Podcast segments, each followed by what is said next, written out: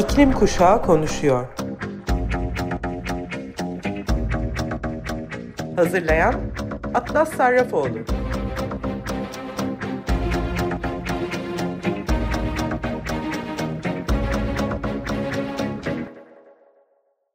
Hepinize merhaba Sayın Açık Radyo dinleyicileri.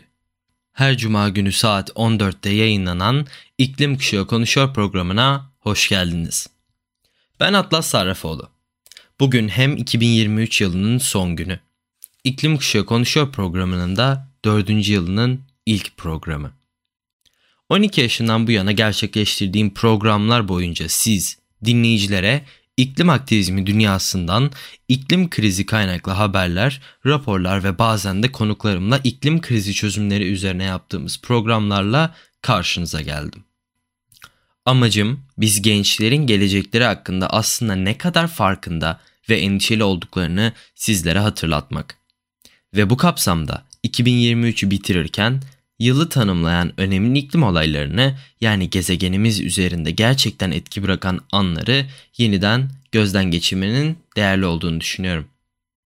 Earth.org'un yayınladığı geçtiğimiz 12 ayda meydana gelen iklim krizi kaynaklı, pardon daha doğrusu insan etkisi kaynaklı bazı önemli iklim olaylarına dönüp bir bakalım istiyorum. İlk önce kuraklık haberlerimize başlayalım. Geçtiğimiz ilkbahar aylarında Avrupa kış mevsiminde az yağış ve kar yağışı nedeniyle uzun yıllara dayanan kuraklığın daha da şiddetlendirdiği ciddi bir su kriziyle karşı karşıya kaldı. Nisan ve Haziran ayları arasında yağış düzeninin normale veya ortalamanın üzerindeki yağışlı koşullara dönüşmesiyle Güney Avrupa'da bir miktar rahatlama yaşansa da genel durum kritik seviyede kalmaya devam etti. Kalıcı kıtlık ve sıcak hava dalgaları mahsulleri olumsuz etkiledi. Baltık Denizi, İskandinavya, Birleşik Krallık, İrlanda, İspanya ve Almanya bazı bölgelerde mahsul verimini tehlikeye atan ciddi bir meteorolojik kuraklıkla boğuşuyor. Örneğin İspanya'da bazı bölgeler ülke tarihindeki en kurak Nisan ayında tarım ve sanayi için su kullanımının yanı sıra kamu bahçelerinin sulanması ve yüzme havuzlarının yeniden doldurulması için de su kullanımına kısıtlamalar getirmek zorunda kaldı. Aşırı sıcaklıklar ayrıca geçen Haziran ayından bu yana zeytinyağı fiyatlarında yaklaşık %60'a kadar e, bir artış gösterdi. Avrupa Kuraklık Gözlemevi'nin en az 500 yılın en kötüsü olarak tanımladığı geçen yılın rekor kıran Avrupa sıcak hava dalgaları kıtadaki zeytin mahsullerini zaten tehlikeye atmıştı. Avrupa'nın en büyük e, üreticisi olan İspanya krizden en çok etkilenen ülkeler arasında yer aldı ve son 12 ayda yıllık arzın yarı yarıya düşerek yaklaşık 780 bin tona düştüğünü gördü. Özellikle İber Yarımadası ve Marib bölgesinde olağanüstü kurak koşullar nedeniyle yaygın yangın tehlikesi devam ederken İtalya son 30 yılın karsız üst üste 2 yılıyla karşı karşıya kaldı. Avrupa'nın en büyük nehirlerinden biri olan Ren Nehri'ndeki su seviyelerinin azalması Almanya genelinde nakliye ve navigasyon konusunda endişelere neden oldu. Birleşik Krallık'ta ayrıca rekor düzeyde düşük nehir seviyeleri yaşandı ve bu da ciddi su kıtlığı riskini arttırdı. Uzmanlar uzun süren kuraklıklara uyum sağlaması gerektiğini vurgulayarak iklim değişikliğinin durumu ağırlaştırmasındaki rolüne dikkat çekti. Dünyanın diğer ucunda şiddetli kuraklık Amerika Birleşik Devletleri'ndeki eyaletlerin %5'ini etkiledi. Çin'de nüfusun %20'si şiddetli kuraklık sıklığındaki artışa tanık oldu. Bunun yoğunluğunun 2100 yılına kadar %80 oranında artacağı öngörülüyor. Eylül ayında Brezilya'nın Amazon nehrinde benzeri görülmemiş bir su kıtlığı yaşandı. Su seviyeleri bir önceki yılın yaklaşık 6 metre altındaydı. Bölgedeki topluluklar rekor düzeyde yüksek sıcaklıklar ve nehir havzasındaki olağanüstü kuraklık sebepli kaynak sıkıntısıyla karşı karşıya kaldı. 120 Amazon Nehri Yunusu'nun ani ölümü de biyolojik çeşitlilik kaybı ile ilgili endişeleri arttırdı. Sıcak hava dalgaları ve, da ve de kontrol edilemeyen yangınlara bakacak olursak eğer 2023 yazında rekor kıran sıcaklıklar, kurak koşullar ve yetersiz yangın acil durum sistemleri gibi insan kaynaklı faktörler nedeniyle daha da kötüleşen dünya çapında bir orman yangını krizi yaşandı. Kanada ve Meksika'da Yunanistan ve Hawaii'ye kadar orman yangınları toplulukları ekonomik ve çevresel çöküşün eşiğini getirdi. Bu trajedi benzeri görülmemiş bir ölçekte ortaya çıktı ve Birleşmiş Milletler Genel Sekreteri Antonio Guterres'in yerinde bir vurguyla küresel kaynama olarak adlandırdığı iklim değişikliğinin derin etkisinin altını çizdi. Kriz, artan sıcaklıkların suyun buharlaşmasını hızlandırması ve yıkıcı cehennemler için temel koşullar yaratmasıyla insan faaliyetleriyle kontrol edilemeyen yangınlardaki artış arasındaki kırılgan bağlantıyı vurguladı. Yunanistan'daki orman yangını krizi acı bir gerçeği ortaya çıkardı. İnsan eylemleri çevresel felaketlerin ağırlaşmasına önemli ölçüde katkıda bulunuyor. Şaşırtıcı bir şekilde ister ihmal ister kasıtlı olsun, insan etkisi birincil yangın kaynağı olarak tanımlandı artan sıcaklıklar ve uzun süreli sıcak hava dalgaları ile örneklenen insan davranışları ile değişen iklim koşullarının acımasız sinerjisi küçük kıvılcımların bile yıkıcı cehennemlere yol açabileceği tehlikeli bir ortam yarattı. Ağustos ayında Maui, Hawaii'de rüzgarın hızlandırdığı orman yangınları modern ABD tarihinin en ölümcül yangınlarından biri olarak ortaya çıktı. Ve en az 115 kişinin hayatına mal oldu ve ada için tarihi bir krize işaret etti. Yıkıcı orman yangınları güçlü rüzgarlar ve aşırı kuru koşullar gibi güçlü faktörlerin bir araya gelmesiyle de alevlendi. Maui yangınları yakıt sorunlarının acilen çözülmesi, proaktif yangın yöntemi stratejilerinin uygulanması ve iklim krizinin sosyoekonomik yansımalarının kabul edilmesi gerektiğinin açık bir hatırlatıcısı oldu. Kriz iklim değişikliği, insan eylemleri ve küresel ölçekte artan orman yangınlarının risklerini azaltmak için işbirlikçi çabaların zorunluluğu arasındaki karmaşık ilişkinin altını çizdi. Bir diğer etkili felaket ise yükselen okyanus yüzeyi sıcaklarıydı. Haziran-Ağustos 2023 arasında yaşanan yıkıcı orman yangınlarının ardından endişe verici bir gelişme daha ortaya çıktı. Ortalama okyanus sıcaklığında kayda değer bir artış. Bu felaketin arkasındaki ana katalizör El Niño hava olayıydı. Ve Nisan ayından itibaren okyanus sıcaklığı istikrarlı bir şekilde yükselişe geçerek Temmuz ayında şaşırtıcı bir şekilde 20.9 dereceye ulaştı.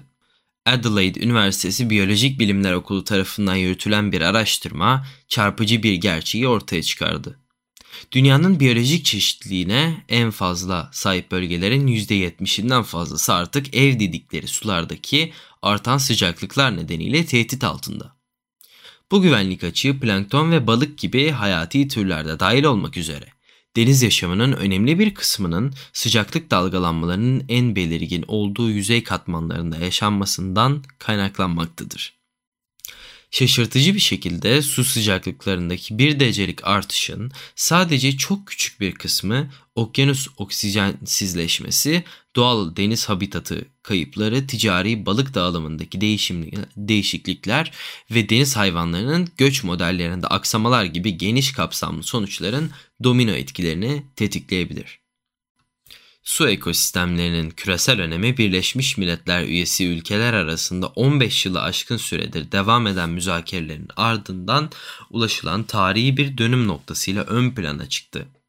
Birleşmiş Milletler'in Haziran 2023'te Açık Denizler Anlaşması'nı kabul etmesi, açık denizlerin yani tek tek ulusların münasır ekonomik bölgelerinin ötesine uzanan geniş deniz alanlarının korunmasına yönelik büyük bir zafere işaret ediyordu. Dünya üzerinde yaşanan iklim krizi kaynakları felaketlerinden biri de fırtınalar oldu. Eylül ayında dünya küresel iklim krizinin artan etkisini vurgulayan bir dizi yıkıcı aşırı kasırgaya tanık oldu. Daniel fırtınasının 11 binden fazla kişinin ölümüne neden olan selleri tetiklemesi ve uzun süren bir iç savaş ve yetersiz altyapıyla boğuşan bir ülkenin kırılganlıklarını ortaya çıkarmasıyla Libya bir insani felaketle karşı karşıya kaldı. Eş zamanlı olarak Akdeniz bölgesi ve Asya'nın bazı kısımları ölümcül fırtınalar ve tayfunlar yaşarken Amerika kıtası Brezilya'daki aşırı seller ve Burning Man katılımcılarının çölde mahsur kalması da dahil olmak üzere benzeri görülmemiş felaketlerle karşı karşıya kaldı. Bu yıl sadece hava durumu olaylarıyla değil aynı zamanda COP28 küresel durum değerlendirmesinin tamamlanmasıyla zirveye ulaşan kayda değer iklim girişimleri ve raporlarıyla da öne çıkan bir yıl oldu. Avrupa Birliği 2023 temiz enerji raporu ile başlayalım. Küresel enerji geçişi ortamında Avrupa Birliği temiz enerji teknolojileri, rekabet edilebilirlik, ilerleme raporunda da vurguladığı gibi temiz enerji politikasını yeniden şekillendirme konusunda önemli adımlar attı. Enerji Birliği'nin durum raporunun bir parçası olarak yayınlanan belge, AB'nin çeşitli temel temiz enerji sektörlerinde rekabet gücünü titizlikle değerlendiriyor ve ham madde maliyetleri, tedarik zinciri sorunları ve beceri boşlukları gibi zorlukları ele alıyor. Rapor küresel ekonomik belirsizliklerin ortasında yalnızca AB'nin temiz enerji teknolojilerinin dayanıklılıklarının altını çizmekle kalmıyor aynı zamanda zorluklar karşısında sürdürülebilirlik ve istikrara yönelik kararlı bağımlılığı ortaya da koyuyor. Temiz enerji sektörünün insani yönü araştırılıyor. Olumlu istihdam eğilimleri vurgulanıyor ancak aynı zamanda beceri açığının kapatılması ihtiyacı da kabul ediliyor. Rapor temiz enerji araştırmalarında öne çıkarken düzenleyici politikalarıyla mali destek arasındaki simbiyotik ilişkiyi vurgulayarak gerçek dünya etkisine doğru bir değişim çağrısında bulunuyor. Lancet geri sayım raporu iklim değişikliğinin sadece kutup ayıları ile ilgili olmadığını, sağlığımız için büyük bir tehdit olduğunu bize hatırlatan yıllık bir uyandırma çağrısıdır. 2015'teki Paris Anlaşması'ndan doğan bu rapor, hükümetlerin küresel ısınmayı sınırlamaya yönelik sözlerini ne kadar iyi tuttuklarını inceliyor. 47 göstergenin takip ettiği rapor, iklim etkilerinden uyum ve azaltım çabalarımıza kadar her şeyi kapsıyor. Rapor öncelikle iklim değişikliğinin geri dönülemez sonuçlarına yönelik sağlık merkezli bir yaklaşıma duyulan acil ihtiyaca odaklanıyor. Sağlığa benzersiz bir şekilde öncelik veren COP28'den hemen önce yayınlanan belge hızlandırılmış adil bir geçiş için taahhütler ve eylemler çağrısında bulunuyor. İklim değişikliğinin temel nedenlerini ele alan ve adaptasyonu destekleyen hızlı bir azaltım sağlanmazsa insan sağlığı ciddi bir tehlikeyle karşı karşıya kalacaktır. Eylül ayında New York'ta toplanan 2023 iklim hedefi zirvesi baş, başkanlık özetinde hükümet, iş dünyası, finans, yerel yönetimler ve sivil toplumdan liderler küresel karbonsuzlaştırma ve iklim adaleti konularında önemli eylemleri sergilemek için ilk harekete geçen ve gerçekleştirenler olarak bir araya geldi. Temel sonuçlar arasında acil iklim durumunun ortak olarak tanınması, iddialı emisyon azaltımları için verilen taahhütler ve ayrıntılı geçiş planlarının sunulması yer aldı. Zirvede iklim etkileriyle mücadele için politika kesinliği, özel finansal araçlar ve uluslararası işbirliğinin gerekliliğini vurguladı. Hesap verebilirlik, uyum finansmanı ve karbondan arındırma zorluklarının ele alındığı oturumlarda sürdürülebilir ve eşitlikçi bir geleceğe yönelik işbirlikçi, bilim destekli bir yaklaşım vurgulandı. Siyasi, ekonomik ve sosyokültürel hususların bir birleşimi olan 2023 G20 Yeni Delhi Zirvesi, çevre politikalarının kritik alanına ışık tuttu. 9 Eylül 2023'te resmi olarak onaylanan G20 Liderler Bildirgesi bir dizi acil çevresel soruna değindi. Bunlar arasında sürdürülebilir kalkınma hedefleri, iklim finansmanına sıkı bir bağlılık, karbondan arındırma zorunluluğu, daha temiz ve daha sürdürülebilir enerji kaynaklarına geçiş, ekosistemlerin korunması ve beslenmesi, dirençli bir okyanus temelli ekonominin desteklenmesi, plastik kirliliğine karşı mücadele, stratejik olarak afet, risk azaltımı ve altyapı dayanıklılığının güçlendirilmesine odaklanıyordu.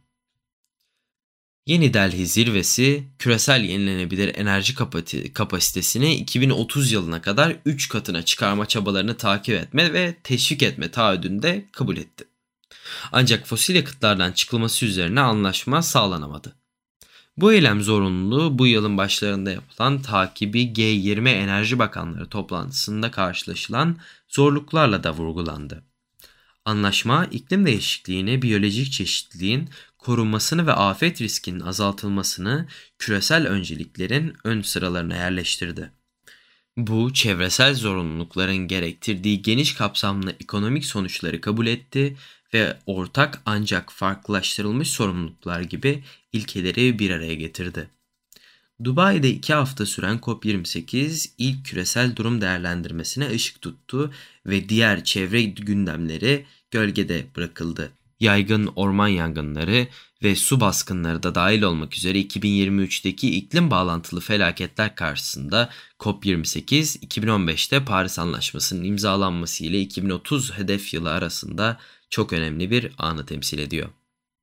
Küresel ısınmayı 1,5 derece ile sınırlamak için küresel sera gazı emisyonlarının 2030 yılına kadar 2019 seviyelerine kıyasla 43 e, oranında azaltılması gerektiğini gösteren bilimsel kanıtları kabul eden durum değerlendirmesi tarafların şu anda Paris Anlaşması'nda belirtilen hedeflerin gerisinde kaldıklarını vurguluyor. 2030 yılına kadar yenilenebilir enerji kapasitesini 3 katına çıkarmak ve enerji verimini iyileştirerek 2 katına çıkarmak için küresel ölçekte eyleme çağırıyor. Küresel ısınmaya uyum konusunda çok ihtiyaç duyulan eylem açısından 2 hafta süren yoğun müzakerelerin ardından 13 Aralık'ta üzerine anlaşmaya varılan nihai COP28 anlaşması ülkelerin 2030 yılına kadar ulusal bir uyum planı sunmalarını gerektiriyor. 51 ülke bunu zaten gerçekleştirdi. Uyum fonuna gelince birkaç gelişmiş ülke toplamda çok yetersiz olan 160 milyon doları taahhüt etti ki bu küresel uyum hedefinde ilerlemek için gereken miktarın yarısı. Fon 2001 yılında iklim değişikliğinin olumsuz etkilerine karşı özellikle savunmasız olan Kyoto protokolüne taraf geliştirmekte olan ülkelerdeki e, somut uyum projelerini ve programlarını finanse etmek için kuruldu. Dubai'de açıklanan fona aralarında İngiltere, İtalya ve Fransa'nın da bulunduğu bazı Avrupa ülkelerinin katkıları oldukça düşük. Peki tüm bunlar ne demek? Biz gençler bireysel olarak değil dünya çapında iklim adaletinden ayrılmaz olan soykırıma, sömürgeciliğe, militarizme, işgale karşı olan çocukların ve gençlerin kolektif sesi olarak mücadelemizi veriyoruz. 2023'te sanayi öncesi sıcaklığın insanlığın bugüne kadar hiç görmediği 1.46 derece üzerine çıkmamız ve bu sebeple gittikçe artan iklim felaketleri bir tarafa acil durumu gözlerimiz önüne seren raporlara yapılan acil durumların ve bilimin sunduklarına karşı gerçekleşmesi gereken yanıtlar 2023'te o kadar zayıftı ki ölüm ilanımın şimdi 16 yaşındayken tekrar yazıldığını hissediyorum. Yine de umut hiç eksilmesin. Güvenli bir gezegende, güvenli bir yıl diliyorum hepinize. İklim Kuşağı Konuşuyor programını dinlediniz Sayın Açık Radyo dinleyicileri. Her cuma günü saat 2'de buradayız. Ben Atlas Sarafoğlu. 2024'te kendinize, sevdiklerinize ve gezegenimize lütfen çok çok iyi bakın. Görüşmek üzere.